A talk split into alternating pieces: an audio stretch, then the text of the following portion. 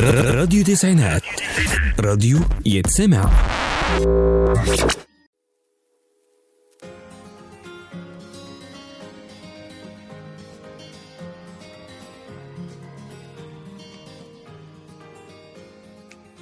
مساء الخير على أحلى متابعين متابعين راديو تسعينات. معاكم حنان علي وبرنامج تعريفة. وفي أول حلقة من أول موسم من برنامج تعريفة هنتكلم ونعرف معنى كلمة ذوق واللي إحنا دايما بنستخدمها في وصف موقف أو تصرف حلو من شخص قدامنا وأحيانا كتير بنستخدمها عشان نوصف طريقة لبس أو مظهر شخص إحنا عارفينه فيا ترى إيه معنى وتعريف كلمة ذوق؟ وهل إحنا كمصريين لسه محافظين على نفس مفاهيم الذوق العامة؟ ولا التغيرات والتأثيرات الاقتصادية السكانية والثقافية غيرت في كتير من مفاهيمنا النهاردة خلونا دلوقتي نروح ونعرف إيه معنى كلمة ذوق طبعا لمعجم المعاني فمرادف كلمة ذوق هي آداب السلوك اللي بتعرف ما هو لائق أو مناسب في موقف اجتماعي معين. وحسن الذوق بمعنى ذو ذوق وخشن الذوق بمعنى خشن المعاملة. وأتى أيضا في مرادف ذوق فعل بمعنى جمل حسن أو حل. ومن أضداد ذوق بشع سوأ قبح. ومعنى الذوق في الأصل هو الحاسة الموجودة في اللسان واللي بيتم من خلالها التعرف على الطعم وتمييزه. غير أن اللفظ بيستخدم مجازا وعلى نطاق واسع للدلالة على القدرة على التمييز بين الحسن والقبيح في الأشياء الأفكار الكلام الأدب الفن والسلوك.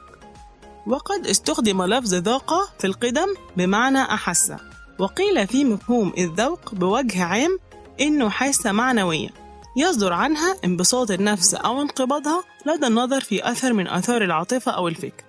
وموضوع الذوق مهم ومؤثر جدا في حياتنا كأفراد وكمجتمع لأنه بيرتبط بالجمال والإحساس بيه وتقديره والتأثر بيه.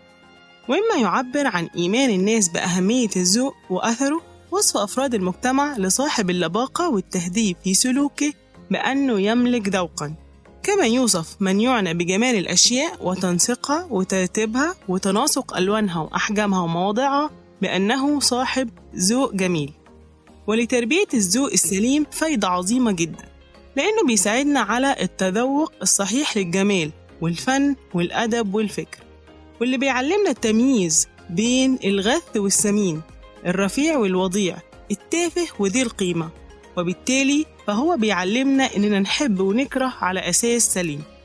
ومن مظاهر الذوق العام الاستئذان في فعل أمر ما المصافحة والسلام عند لقاء الناس والاجتماع بهم. خفض الصوت عند الكلام مع الآخرين أو في الأماكن العامة. الابتسامة الابتسامة في وجه الآخرين وحسن التعامل معه. المحافظة على نظافة الأماكن العامة.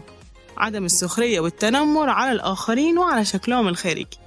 وفي النهاية أنا بشوف باختصار كده إن الذوق هو حسن الخلق والقدرة على الإحساس بالجمال وتمييزه.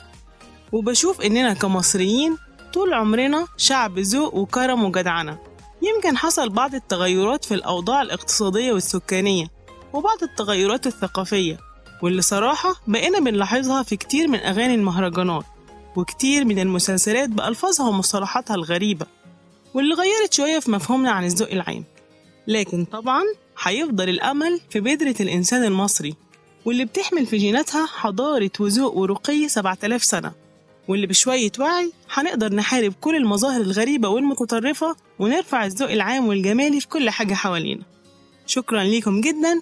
كان معاكم حنان علي وبرنامج تعريفة.